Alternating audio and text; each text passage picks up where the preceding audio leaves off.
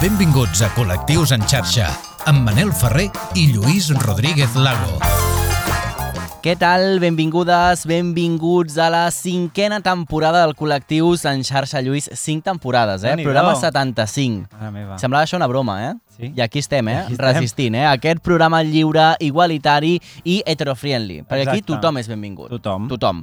Aquest programa que fem des de Premià Mèdia per la xarxa de comunicació local i en aquest 2023 ens hem proposat seguir apostant per la visibilització dels drets del col·lectiu LGTB, tot investigant i conversant amb els protagonistes de cadascuna de les històries que anirem proposant també doncs, cada setmana. Bon any, Manel, i Bon bon, any. any a tothom que ens està escoltant. Un programa, ja sabeu, que eh, podeu seguir a través de les xarxes socials, les plataformes de podcasting i en format vídeo, Exacte, no? Per sí. YouTube, per Mhm. Instagram... En aquest primer programa de l'any volem posar-nos deures i veure els temes que tenim pendents com a societat perquè encara no els hem assolit del tot, però també volem parlar d'aquells temes que els nostres polítics tenen pendents. Exacte. Vam començar així. Sí, és veritat, no? és veritat, sí, sí. També, a la Sí, sí. primera. Mhm. Per fer-ho parlarem d'aquí una estona amb Arnau Ramírez, diputat del PSC al Congrés i secretari LGTBI dels Socialistes de Catalunya. Avui al Col·lectius en xarxa Reptes, Reptes 2023. 2023. Estàs escoltant Col·lectius en xarxa. amb Manel Ferrer i Lluís Rodríguez Lago.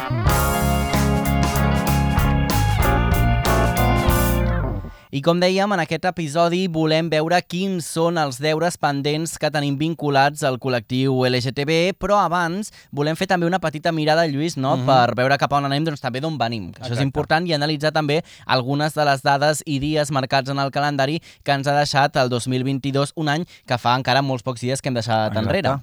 Segons l'Observatori contra l'Homofòbia de Catalunya, l'any 2022 va registrar, van registrar 237 incidències per violències o discriminacions per LGTBI-fòbia. De totes, de totes aquestes agressions destaquem tres punts prou importants. En primer lloc, es pot detectar un augment en les agressions vers les persones trans, amb una pujada del 38,1% ni més ni menys, amb, un Mhm. 57, amb 57 eh, agressions en total. Eh, en segon lloc, una altra dada que transcendeix són les 39 incidències vers les dones lesbianes, bisexuals, transexuals. Per cert, de les 237 incidències, 111 es, es van produir a Barcelona ciutat. Mhm. De fet, eh, Lluís, eh, en aquesta gràfica que van compartir des de l'Observatori es veien com els puntets que representava cada puntet doncs, una d'aquestes agressions i clar, les veus totes juntes i és moltíssim, eh? És a Mhm. dir, que és una xifra prou important. Aquestes dades de LGTBI-fòbia embruten per complet els èxits que a poc a poc van aconseguint també doncs, el col·lectiu i la gent que s'implica, que ens hauríem d'implicar realment tots eh? en Sí, la, aquesta lluita. No obstant, el 2022 ha estat un període important per les victòries a les persones LGTBI arreu del món. De fet, quatre països han legalitzat el matrimoni entre persones al mateix sexe i sis països van prohibir les teràpies de conversió, que també aquí n'hem parlat, Lluís, tant. teràpies de conversió. Recordo Tan aquell noi d'aquest- recordes sí, que ens sí, vas sí, explicant sí, sí. com els seus pares el van enganyar i tota la història. L'heu de rebuscar perquè aquest Sí, capítol aquest és, és- va ser molt impactant. A més a més, quatre països han despenalitzat les relacions homosexuals. És a dir, no és que les hagin legalitzat, és que les han despenalitzat, perquè encara I estaven menys, no? prohibides i amb pena de mort, moltes d'elles. Eh? Sí, sí. Pel que fa a les teràpies de conversió, Canadà i França han prohibit en el 2022 aquestes pràctiques tant en menors com en persones adultes. En canvi, Nova Zelanda i Grècia han aplicat també aquesta prohibició, però només en persones menors d'edat. Per la seva banda, a Paraguai, els legisladors han descartat donar per bons els diagnòstics mèdics basats en l'opció o la identitat de, sexual. Uh -huh. I parlant de l'autodeterminació de gènere, Espanya i Escòcia van aprovar els seus projectes d'autodeterminació Mm. que faciliten a les persones trans adequar el seu gènere legal sense que se'ls diagnostiqui en cap cas una disfòria de gènere, que n'hem parlat també aquí. Exacte. I en aquests dos països, aquestes propostes van haver-se de lluitar contra una oposició que s'hi negava de totes totes, però finalment es va acabar aprovant doncs, amb una àmplia majoria. Mhm. De fet, Lluís, es va trigar encara molt més per això, perquè semblava que no s'aconseguia un consens, inclús dins els propis partits que en principi ho recolzaven. Exacte, exactament, exactament. En aquest programa hem parlat en diverses ocasions de les migracions també LGTBI, Mhm. un terme que també ha evolucionat durant els passats 365 dies. Nacions Unides, per exemple, va emetre una declaració considerada com a històrica que ha instat als estats a protegir els drets de les persones migrades que pertanyen al col·lectiu LGTB, LGTBI. A conseqüència d'això, molts països van aprofitar per moure fitxa. Perquè els pols oposats també s'atreuen, escolta Col·lectius en xarxa. I és que, clar, Lluís, quan comptes amb el suport no, de les Nacions Unides, doncs eh, pots Sembla eh, que- fer una miqueta encara molt més fàcil. Sembla que algú et recolza, no? Sí. Algú una mica més amunt et recolza. Per exemple, Alemanya va aprovar una important millora de la llei d'asil a favor de les persones LGTBI i França ha estrenat un centre d'atenció especialitzat per a les persones LGTBI que ocupa un espai molt gran Mhm. al centre de París i a casa nostra també es va aprovar una llei que exigeix facilitar les dades d'asil de les persones LGTBI i reconeix, a més a més, l'autodeterminació de gènere, entre d'altres. Parlàvem, per exemple, d'aquest centre d'atenció que s'ha fet a França, a París, mm. -hmm. sigui, nosaltres en tenim una a Barcelona també molt potent i molt important. Molt eh? important, sí, sí, sí. Fent la mirada enrere, fixem-nos també en fites que han tingut lloc al territori espanyol durant aquest 2022. El 10 de maig es va aprovar la primera llei LGTBIQI+, de la història de Castella-La Manxa, Mhm. i legalitzant per complet les teràpies de conversió. Amb l'aprovació d'aquesta llei LGTBI, només dues comunitats autònomes no tenen una norma sobre aquest assumpte, que són Astúries i Castella i Lleó, que, a veure, benvingudes... Comença a ser el al- moment, eh? Exacte. No, crec jo, eh? Moment. Vinga, amigues. Va, és el moment de fer-ho aquest 2023 i el 27 de juny el Consell de Ministres va donar llum verda al projecte de la nova llei transestatal que elimina l'obligació de recórrer a una teràpia hormonal de dos anys, Dos anys, eh? per Sí, sí. canviar-se el nom i el sexe en el registre. A més a més, de prohibir a tot l'estat les teràpies de conversió i facilitar els drets a tècniques de reproducció, de reproducció assistida a dones lesbianes, bisexuals i o també solteres. Exacte, també a l'estiu, concretament el 4 de juliol, Killer Queen es va convertir en la primera drag queen en intervenir al Congrés dels Diputats. La concursant de Drag Race Espanya va intervenir en unes jornades LGTBI organitzades pel PSOE a la Cambra Baixa. A més, Killer Queen, a més de Killer Queen, també van, van estar en aquesta cita altres personatges des- destacats del col·lectiu, com David Valdeperes, el director Sí. de Sálvame, o el wa- waterpolista Víctor Gutiérrez, que, Que l'esperem, eh? Que l'esperem, li enviem si un vol. saludito, Víctor. Exacte, si vol venir. Agafa el Mira, telèfon. de fet, quan parlem amb l'Arnau Ramírez, li direm, sisplau, Li que direm, si s'ho passa bé, home. eh, que ens recomani, no? que Sí. ens faci una bona Sí, clar. ressenya. Com dèiem, en uns minuts saludarem a l'Arnau Ramírez, secretari LGTBI del Partit dels Socialistes de Catalunya, per conèixer també els reptes que tenim com a col·lectiu en aquest 2023, però abans fem una prèvia d'alguns punts que ens semblen interessants a tenir també en compte. Abans parlàvem de l'aprovació del projecte de llei trans, però sens dubte aquest any hauria de ser en el que la llei comencés a rodar i aplicar-se en tots els seus aspectes. Hem vist que per arribar al projecte va haver de passar un temps molt llarg, Mhm. llarguíssim, eh, molt dur també, Sí. eh, amb molts debats interns, eh, i amb molts dies eh, sense que passés eh, res. No? Esperem que ara es recuperi tota la, la velocitat que hem perdut. Mm -hmm. A més, també un dels altres deures que tenim pendents és la reducció de l'assetjament LGTBI-fòbic als centres escolars. Mm -hmm. Lluís, hem de deixar de creure que el que passa a les escoles és cosa només dels nens i de les nenes i, per tant, que els adults no tenen cap responsabilitat, no? Que durant Mhm. molt de temps doncs, s'ha volgut classificar doncs, això que passava a les escoles com discussions entre nens o Com bromes, si fos una no? cosa aliena Exacte, això que a seria... la pressió bueno, són social, coses de l'edat, sí. no? I llavors doncs, la família ja com curava karma, no? I era, Exacte. bueno, són nens i ja està. Doncs els pares també han d'educar, han d'ensenyar i corregir els fills quan detecten comentaris, accions o actituds sexistes, homòfobes o racistes de qualsevol tipus i no cal ni que diguem que els tutors legals doncs, han de ser també un referent positiu per als infants i els adolescents. Referents ens en falten, però a casa en podem tenir també. Exacte, i positius, molt important. Malgrat que en el 2018 l'Organització Mundial de la Salut und va treure la transexualitat del catàleg de malalties mentals per adults i adolescents, és cert que encara existeix moltíssim estigma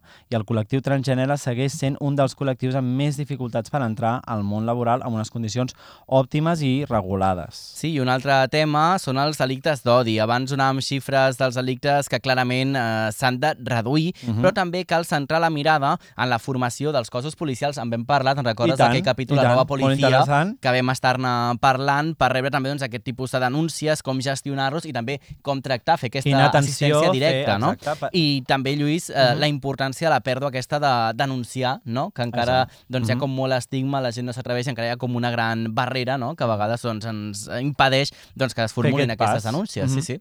Per últim, i no per això més menys important, cal seguir contrarrestant l'ultradreta més rància. No? L'arribada d'aquestes formacions als òrgans de poder està donant validesa a unes actituds fora de llei i que inciten, sens dubte, l'odi cap a les minories. Segueix-nos a les xarxes. Busca'ns i recupera tots els nostres programes, imatges i vídeos exclusius. Col·lectius en xarxa, a Twitter, Instagram i a les principals plataformes de podcasting.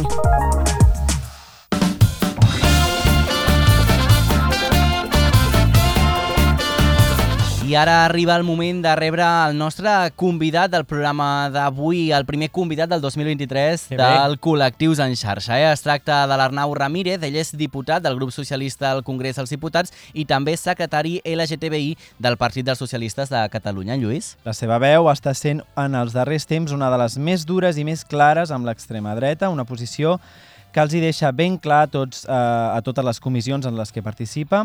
Aquesta, per exemple, és una de les seves intervencions més recordades. Ya no digo que piensen en los españoles o en el planeta en general, pero es que sin planeta ustedes no van a poder ir de caza ni al golf. Ya no es que no haya igualdad, ya no es que es, es imposible que haya justicia ni prosperidad. Sin planeta no somos nada ni nadie. Y su máxima aportación es que ustedes no tienen nada que decir. Bien, eh, yo acabar simplemente deseando eh, feliz Navidad a, todas sus señorías, feliz 2021 a todas sus señorías y, y feliz 1940 a los señores de Vox. 1940, Total, eh? total, Clar eh? Uh, Arnau Ramírez, moltes gràcies per acompanyar-nos avui en aquest uh, primer programa del 2023. Posàvem aquest uh, tall uh, com a un exemple de les teves intervencions, però Arnau, uh, jo crec que falten encara, eh? Molts més polítics i molts més representants polítics que siguin així de taxatius, no?, encara amb l'extrema dreta. Com estàs? Què tal? Bona tarda, com esteu? Molt bé. Val. Ah, en primer lloc, escolta, moltes gràcies per comptar amb mi i, i sí, jo crec que falta encara moltíssima gent, eh, moltes dones i molts homes que li plantin cara a l'extrema dreta i dir les coses eh, tal com ragen. Uh -huh. Això és importantíssim. De fet, avui t'hem convidat doncs, per parlar també d'aquestes eh, o d'aquests reptes que tenim el 2023 com a ciutadania i també eh, els polítics que són al final qui ens representeu, uh -huh. no? En el programa d'avui hem repassat algunes de les fites que hem aconseguit en el 2022. En el teu cas, eh, quines diries que són les coses més destacades que s'han aconseguit en aquest any que hem deixat eh, enrere en termes de, de política?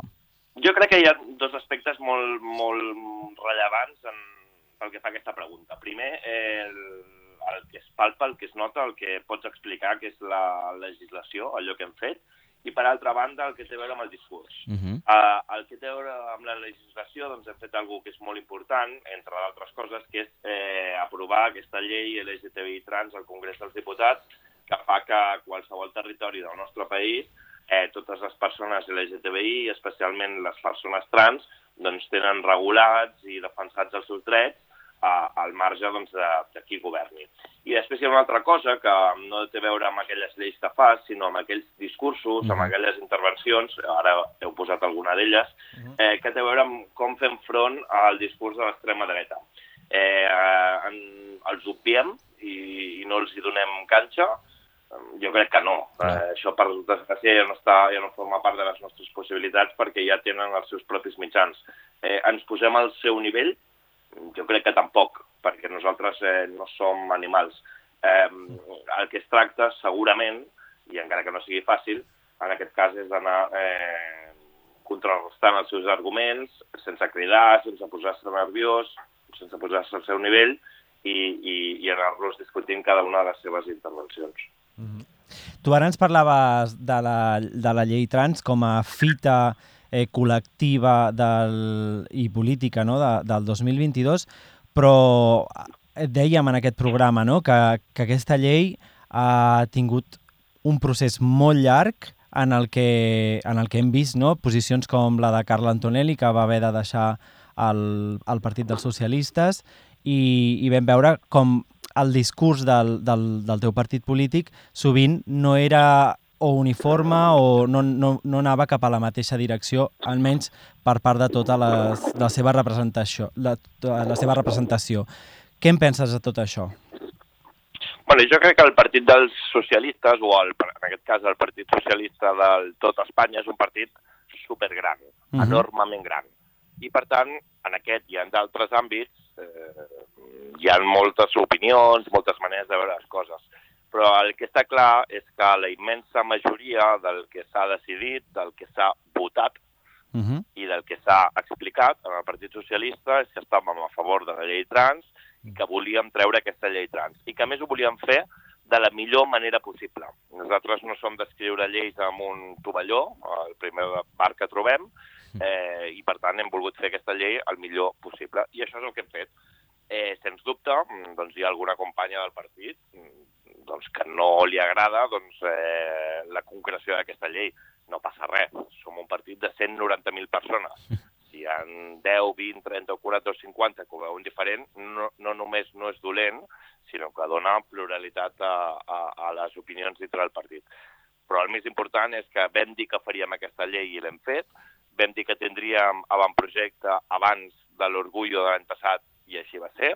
Sí. Vam dir que aprovaríem aquesta llei al Congrés abans del proper orgullo i així ha estat, i per tant eh, tenim llei i les persones LGTBI al conjunt d'Espanya eh, tindran els seus drets garantits precisament en un moment en el qual tenim, políticament parlant, una extrema dreta molt assalvatjada, molt dura, i tenim als nostres carrers, a les nostres places, a les nostres discoteques, a les grans ciutats del país, eh, més atacs que mai contra les persones LGTBI. Per tant, eh, nosaltres ens donem molt per satisfets i satisfetes de tenir aquesta llei eh, a- al BOE, que és el que volíem, i és el que hem fet. I ara ja tenim aquesta llei que lògicament doncs, ens dona cobertura i ens protegeix a, a tots eh, al final, però ara que la tenim en aquest 2023, eh, com ha de començar a rodar també aquesta llei o quines són les fites que ens marquem a partir d'ara que ja tenim aquesta llei? Què ha de venir ara? Bueno, ara hem aprovat la llei després d'un procés llarguíssim eh, al Congrés dels Diputats. Faltarà fer-ho a finals de gener, principis de febrer al Senat, Uh -huh. i a partir d'aquí doncs, eh, quedarà aprovada definitivament i, i ja estarà a, a, al, al BOE. Eh, a, a partir d'aquí, el col·lectiu LGTBI, tota la comunitat, ens han de plantejar quins són els propers reptes. Uh -huh. Haurem de tenir un debat sobre les persones binàries i no binàries, Mhm. que ens ha quedat pendent. Sí. Haurem de veure com seguim eh, afrontant eh, aquest, aquest increment d'atacs, d'insults, d'agressions inclús físiques a les persones LGTBI a, a les nostres places, als nostres carrers, cosa que està passant eh, més que els últims eh, 4, 5, 6, 7, 8 anys. Vull dir, eh, hem fet molt, hem Mhm. aconseguit molt a la lluita LGTBI, però el camí que tenim per davant és rellevant i, i, i això és el que hem de fer en, els propers temps. Uh -huh. eh, aquest any és un, aquest any que entra és, és un any políticament molt intens, no? Perquè està ple de, de, de moments electorals en els que haurem de participar la ciutadania. Mm, què en penses o què penses de que, de que candidatures electorals municipals eh, integrin, o com d'important és que aquestes candidatures municipals també integrin polítiques LGTBI, perquè tu deies, aqu aquestes, aquesta, aquests, eh, bueno, aquestes manifestacions contra el col·lectiu es produeixen a les places i als nostres pobles, també a les ciutats, però què en penses de tot això?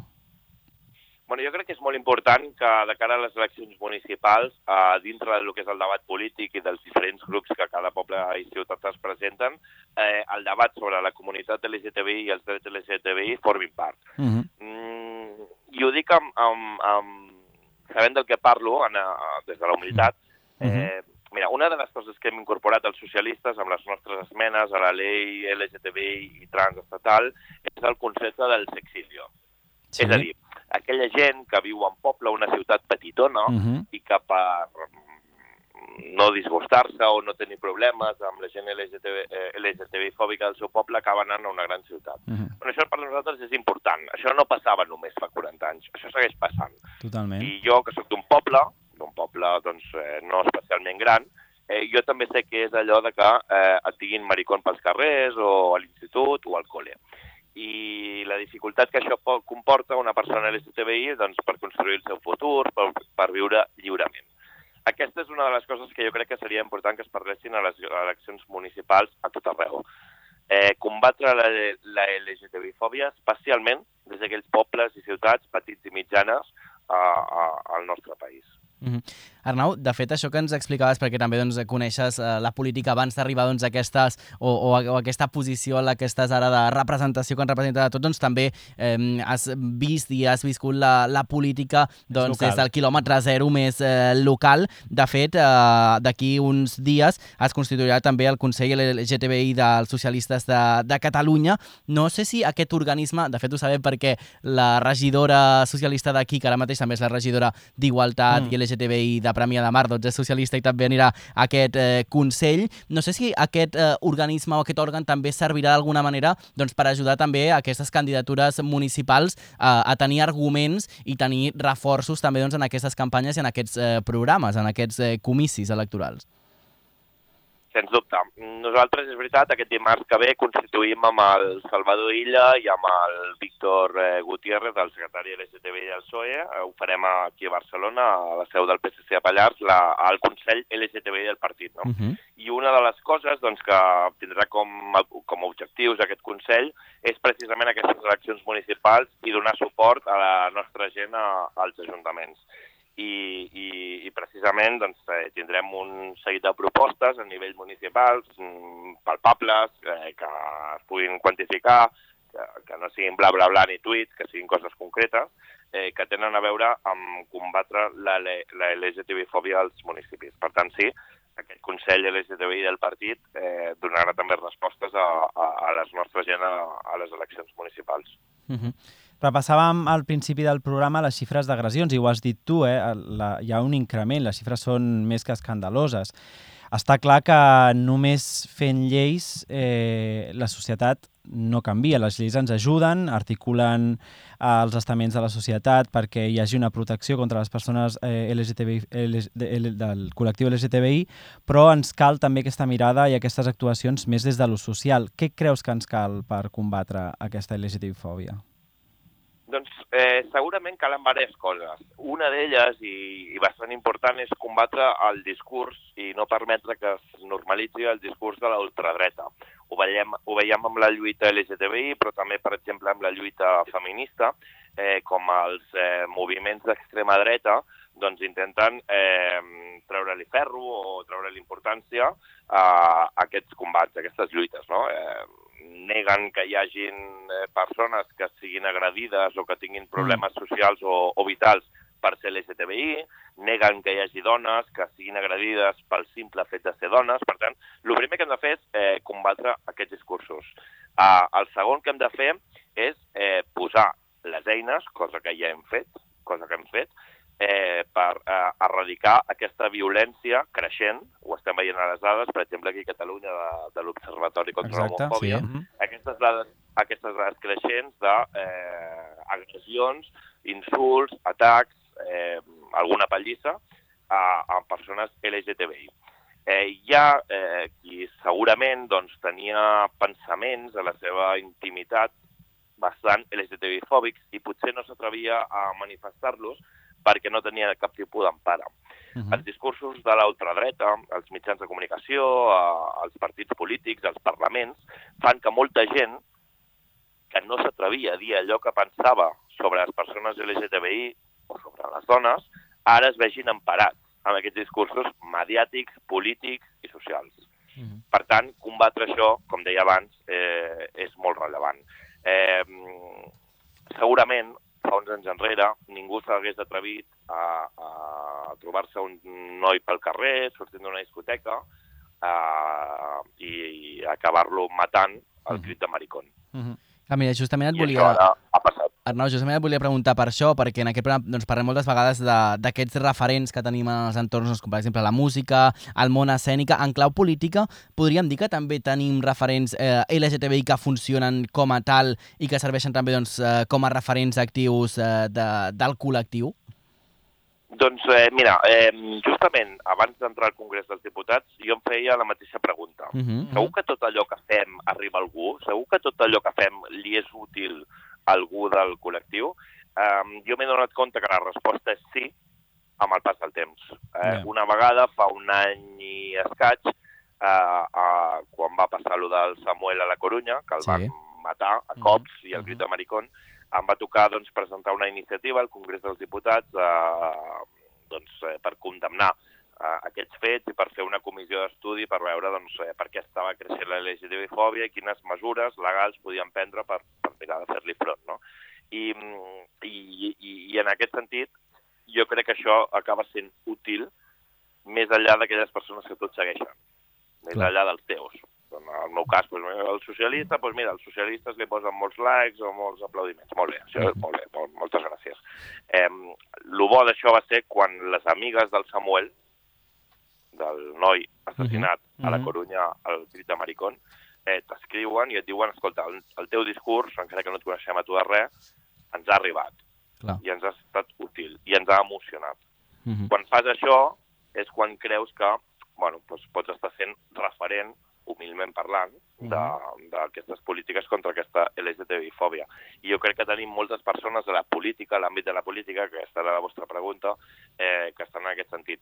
Eh, el Partit Socialista hi som uns quants, però Clar. també fora Mhm. també fora. També eh, el, eh, el Rubinho de, de Mas País, Mhm. eh, també el Sergi Miquel del PDeCAT, eh, també la Sofia i la Lucía d'Unides Podemos, vull dir, sí, hi ha gent al món de les esquerres i una mica més enllà que estan donant la cara per aquest tema. De fet, Arnau, podríem dir també, ara ho pensava, que té com les dues cares de la moneda, no? Perquè al igual que surten doncs, eh, referents positius, també en surten de negatius, no? Perquè segurament doncs, aquesta aparició de l'extrema dreta també doncs, en aquests òrgans eh, de, de poder o de representació, mm, doncs potser gent que no s'atreviria a insultar algú a la porta d'una no? discoteca, Mhm. es veuen reforçats perquè hi ha un polític de torn que ho recolza, ho aplaudeix o, si més no, no ho condemna, no? També estan apareixent eh, referents negatius en la política.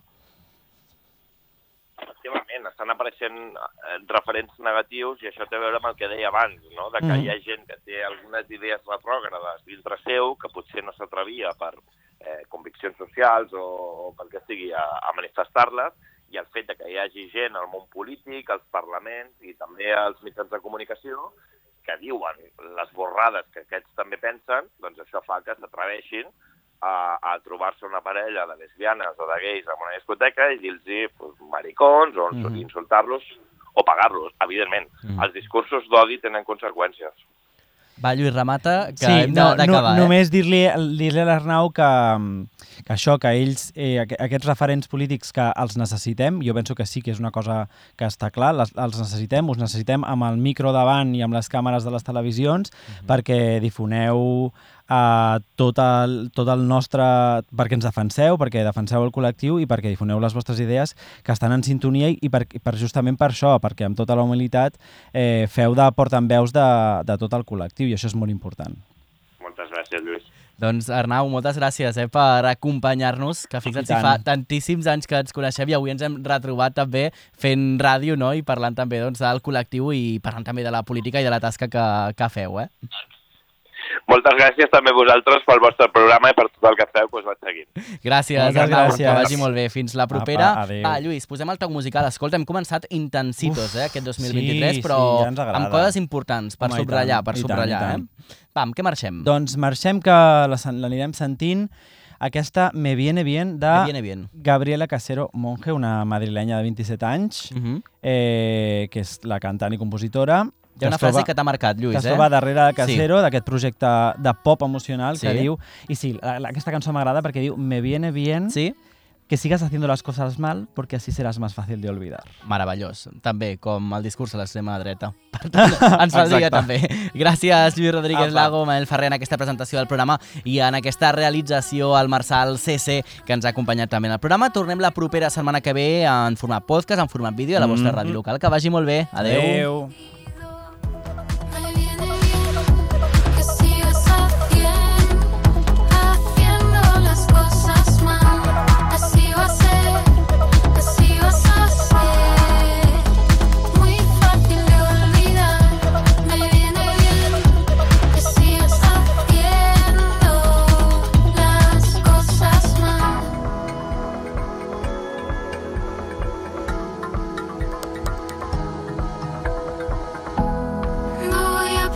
Por si cambio de opinión. Yo sola en el mundo